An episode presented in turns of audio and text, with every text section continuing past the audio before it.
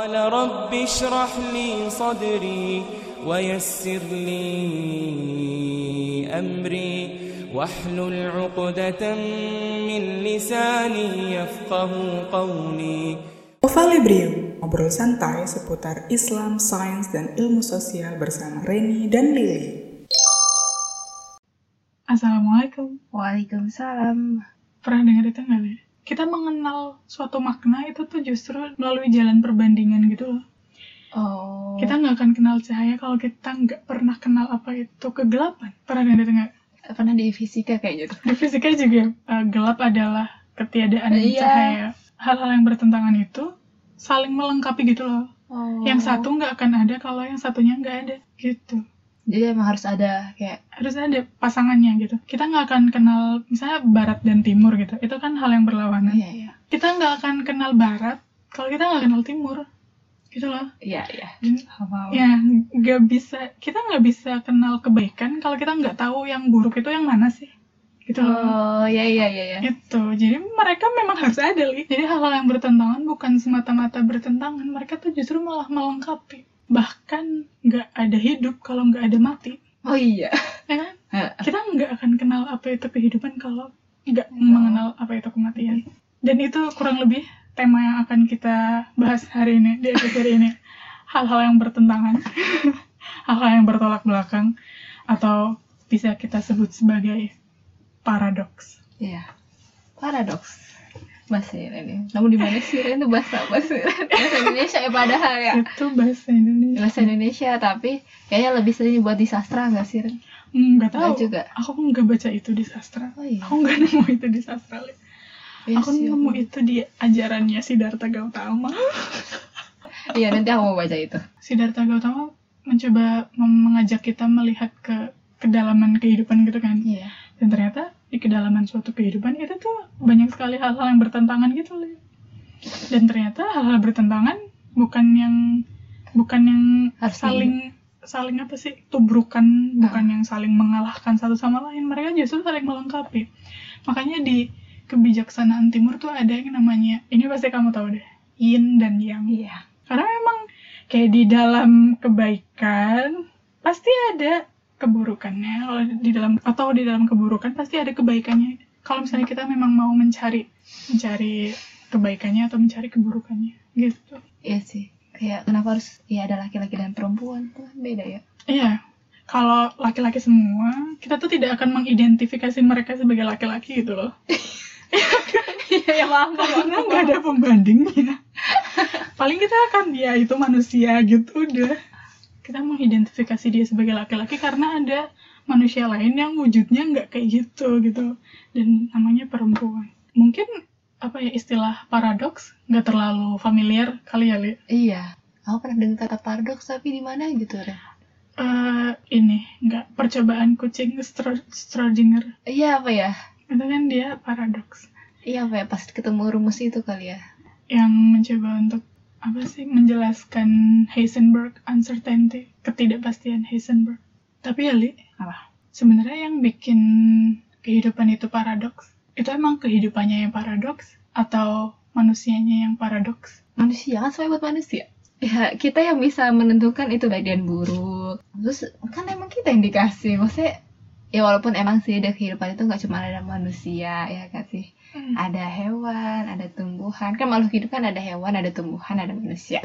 Mm-mm. Nah, tapi Allah tuh ngasih suatu khususan buat manusia untuk yaitu bersifat paradok. Maksudnya memiliki Iya. ciri-ciri paradoks Iya, yang bisa membedakan baik dan buruk itu kan kayak yang kita bahas kemarin, dia tuh kayak harus punya akal.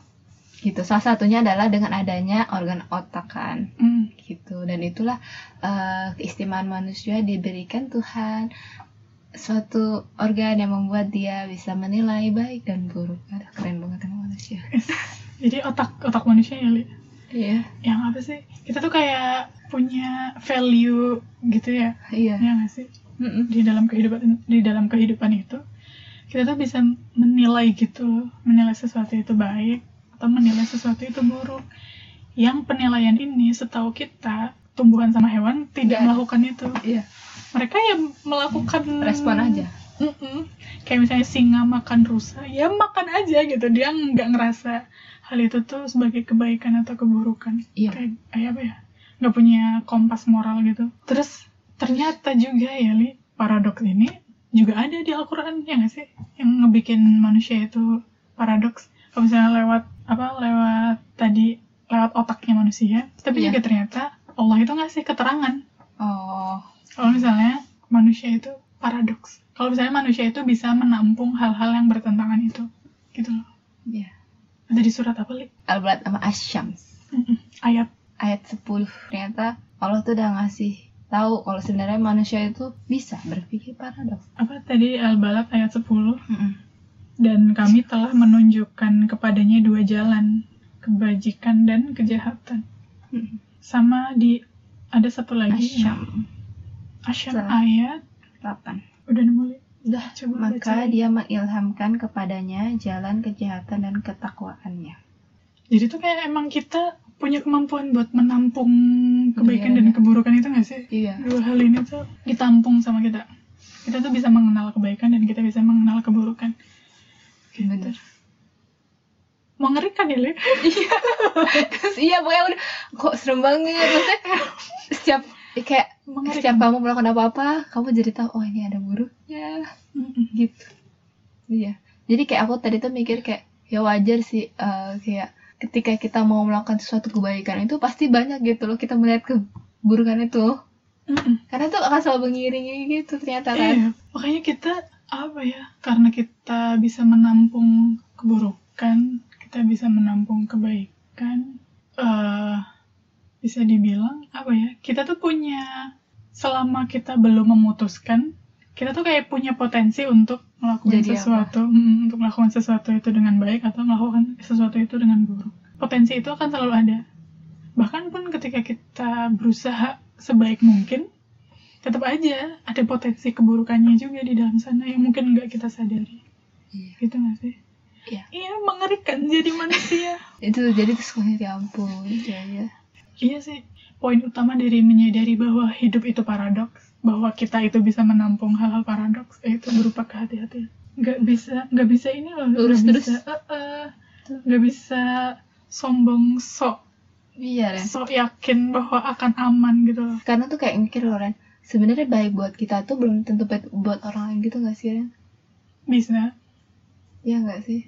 Karena setiap orang tuh punya paradoksnya masing-masing. Jadi tuh kita tuh nggak bisa loh menyamakan bahwa bahwa ini tuh ini ini Gimana, Ren? apa sih? Kar- lebih ke ini nggak sih kalau apa ya? Kalau misalnya kita itu kayak ya beda beda orang akan beda indikator beda parameter gitu nggak sih? Dalam menilai baik dan buruknya. Iya. Gitu kan? Yang kamu maksud. Makanya ketika misalnya kita memutuskan sesuatu Iya. menurut kita baik tapi orang lain kan mereka punya Iya. indikatornya sendiri kan mereka punya parameter penilainya tersendiri gitu loh. Yang bisa bilang kalau tindakan kita atau pilihan kita atau keputusan kita tuh ternyata nggak baik gitu. Iya. Terus aku tuh pernah tanya temen gue masa jadi baik dan buruk itu yang benar tuh yang kayak gimana? Tergantung parameter yang kamu pilih. Iya terus parameter masing-masing dari kita mau nggak mau harus punya parameter tersendiri gitu karena Iya. masing-masing dari kita mau nggak mau akan mempertanggungjawabkan sendiri-sendiri. Nah itu Ren parameternya apa? Ya kalau kita Oh, iya. jawabannya gampang. Iya. Nah kan banyak yang langsung ini sih oh iya benar kata-kata parameter. Jadi tuh waktu itu aku nggak nemu kata-kata parameter. Aku cuma ya sebaiknya Al-Quran sama Sunnah jadi tuh nggak ya, paham. ya itu Maksudnya, parameternya iya. kita sebagai muslim. Heeh, jadi tuh nggak ada latar belakang kayak kamu. Jadi kita harus tahu ada gitu oh paham gak dapat dapat. Ya karena ya mungkin karena ya kita, karena kita muslim jadi otomatis Heeh. pikiran kita ya yang baik buruk acuannya ya Al-Quran sama Sunnah.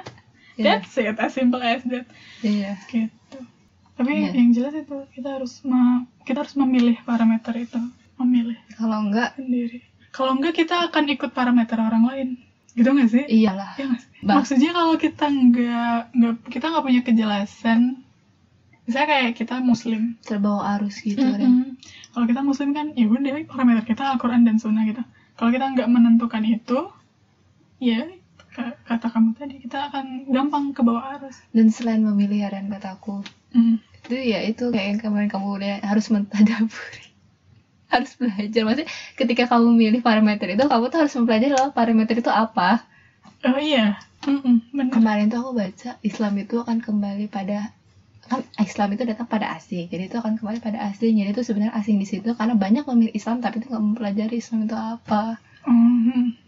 gitu. Makanya itu jadi kayak eh, kalau semakin semakin banyak kita misalnya kayak semakin banyak input yang masuk Mm-mm. ke kepala kita tapi kita? hmm, kita tuh jadi semakin jelas dalam melihat hal-hal gitu loh iya. Maksudnya kayak apa ya saya kita baca semakin banyak buku. Kita kan jadi semakin banyak hal yang bisa kita perbandingkan gitu kan. Semakin banyak hal yang bisa kita pertimbangkan. Itu tuh akan akan me- memperkaya parameter kita juga. Oh iya iya. Dapat nggak? Dapat ya, jadi semakin semakin banyak kita tahu ilmu kita tuh semakin punya banyak hal yang bisa kita pertimbangkan atau semakin banyak hal yang bisa kita pakai sebagai sebuah parameter untuk melihat sesuatu hal, menilai sesuatu hal, atau memutuskan sesuatu hal gitu loh. Kan kalau misalnya tadi berdasarkan kemampuan otak kita, terus juga berdasarkan apa yang Allah bilang, yang menampung paradoks kan manusia itu kan.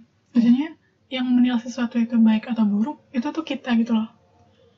Kehidupan, mereka cuma berjalan sebagaimana adanya, kayak misalnya matahari itu terbit atau matahari itu terbenam, itu tuh cuma ya udah kehidupan memang kayak gitu berjalannya nggak sih? Maksudnya planetnya memang berputar sedemikian rupa makanya jadi ada matahari terbit dan ada matahari terbenam gitu.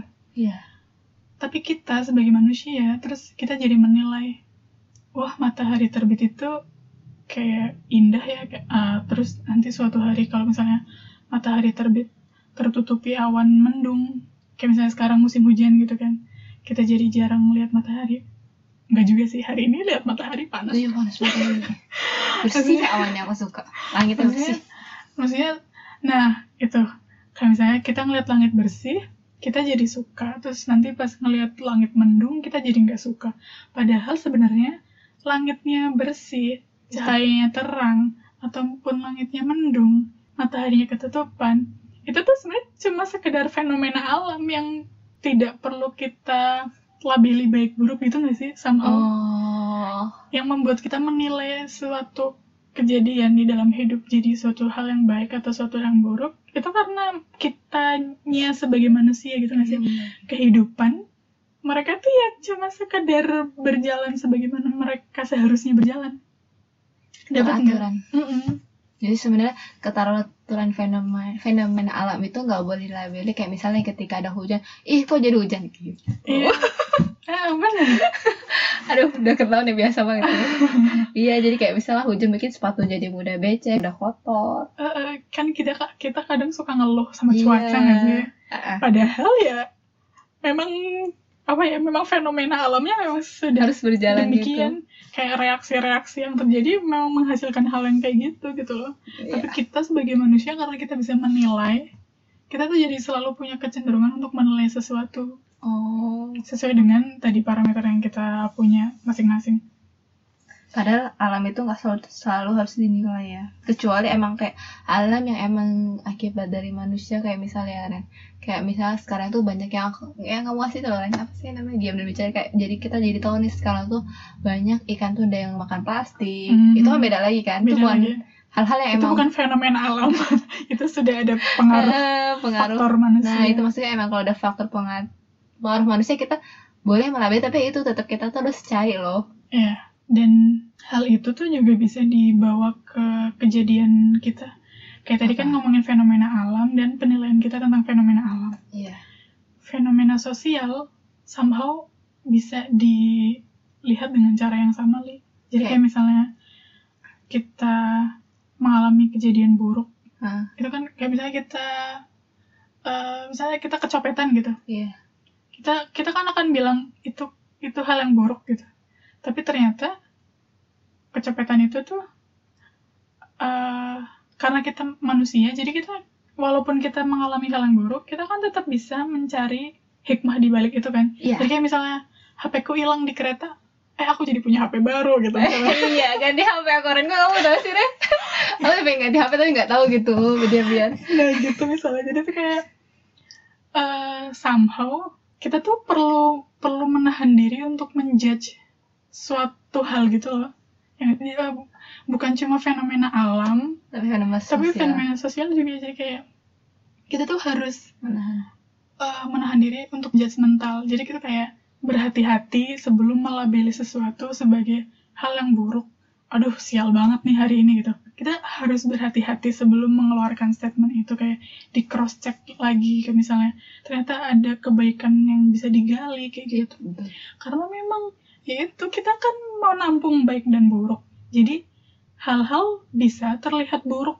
Tapi hal-hal yang sama itu juga bisa terlihat baik kalau memang kita mau mencari kebaikan di dalamnya. Iya. Gitu. Jadi kita dengan mengetahui paradoks kita bisa menampung hal-hal yang bertentangan kita tuh akan selalu mengetahui bahwa dan menyadari bahwa segala sesuatu meskipun punya kebaikan somehow dia juga punya keburukannya atau sesuatu yang di permukaan terlihat buruk somehow dia mengandung banyak kebaikannya kayak gitu Iya, sering sih. Maksudnya kayak kita mungkin eh, capek dengan rutinitas yang setiap hari sama. Kan itu fundamental kayak misalnya kerja sampai pulang larut malam. Nggak pasti, ih capek kosan udah pinginnya leha-leha. Padahal kan harusnya kayak, ya iya emang istirahat. Tapi yang pasti kita punya loh kayak aktivitas yang lain. Dan emang capek, masih capek gini. Wajar. Tapi kan sadar gak sih kadang itu posisi itu tuh banyak diinginkan orang lain. Hmm. Kayak, Iya makanya kayak sebelum mengeluh, sebelum bilang sesuatu buruk, sebelum bilang sesuatu sial, di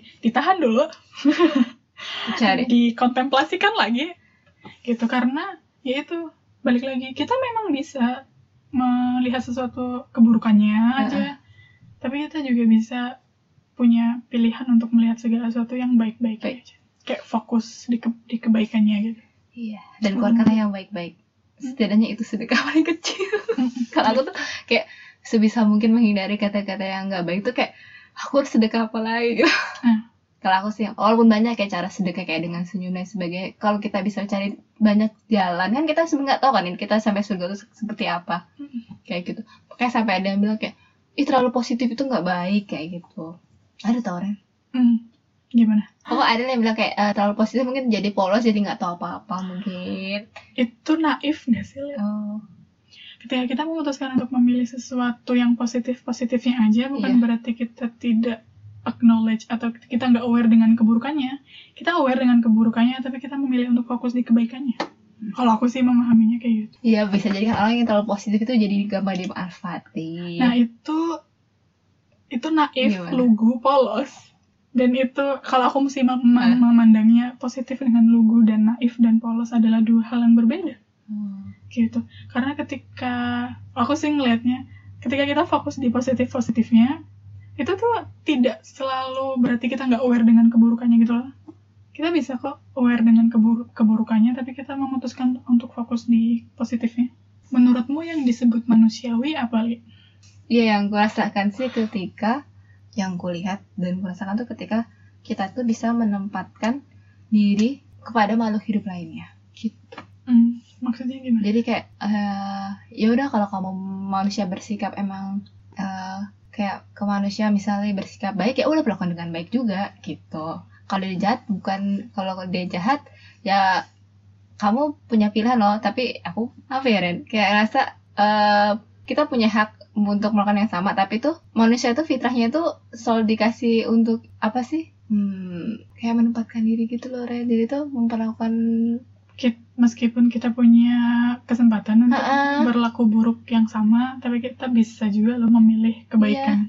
Ya itu juga aku memaknai manusiawi dengan cara yang sama kok kayak kamu. Dan itu juga nggak ke manusia doang maksudnya gitu. Manusiawi itu sifat sifat kita memunculkan hakikat kita sebagai seorang manusia. Oh. Dan memunculkan sifat kita sebagai seorang manusia berarti kita menempatkan segala sesuatu sesuai dengan tempatnya gitu iya. Ya jadi tuh kayak Terus ya itu karena enggak aku memaknai manusiawi dengan cara yang sama kok. Enggak soalnya tuh ada yang manusiawi itu diidentikan dengan kita dekat dengan yang namanya khilaf. Hah maksudnya? Eh, misalnya ada manusia yang ngelakuin kesalahan terus Hah? alasannya adalah oh ya maklumin aja lagi hilaf kali ya gitu terus itu di Oh. itu diidentikan dengan manusiawi jadi tuh manusiawinya yang sebenarnya menurutku definisi manusiawinya adalah sesuatu yang positif tapi kemudian kita lebih dekat melabeli yang namanya manusiawi itu ketika manusia melakukan kesalahan dan kita Oh. menggampangkan kesalahannya Ya, kita ya. kayak memaklumi gitu loh kayak misalnya iya dia manusiawi dia manusia salah maksudnya Iya. eh, maksudnya oh, oh hilaf jadi manusia itu punya sifat-sifat salah dan itu kita memanusiawikannya gitu. Padahal Oh. sebenarnya ya itu tadi aku setuju banget dengan makna kamu yang manusiawi bahwa manusiawi itu kita apa pun situasi dan kondisinya kita tuh berusaha untuk menjunjung tinggi hakikat kita sebagai seorang manusia gitu loh. Bersifat manusiawi adalah kita punya kesempatan untuk berlaku buruk tapi kita memilih kebaikan. Kita punya kesempatan untuk melampaui batas tapi kita memilih untuk membatasi diri. Itu yang namanya manusiawi. Jadi apa pun kondisinya dan uh, seberapapun besar kemungkinannya untuk bisa kita manfaatkan untuk melakukan hal-hal Iya. hal-hal yang buruk, kita tuh tetap berlaku manusiawi dengan Iya. cara memilih kebaikan. Gitu. Gitu karena aku tuh kayak sering banget apa ya, yaitu manusiawi itu identiknya dengan khilaf. Hmm, Padahal manusiawi itu lebih lebih luhur apa lebih tinggi gitu loh definisinya. Kita bisa memaknai manusiawi dengan cara yang lebih baik ketimbang manusiawi digunakan untuk memaklumi kesalahan manusia gitu untuk sekedar sekedar memaklumi kesalahan manusia. Ada lagi nggak Le? enggak aku. Tunggu kita di episode selanjutnya. Assalamualaikum. Waalaikumsalam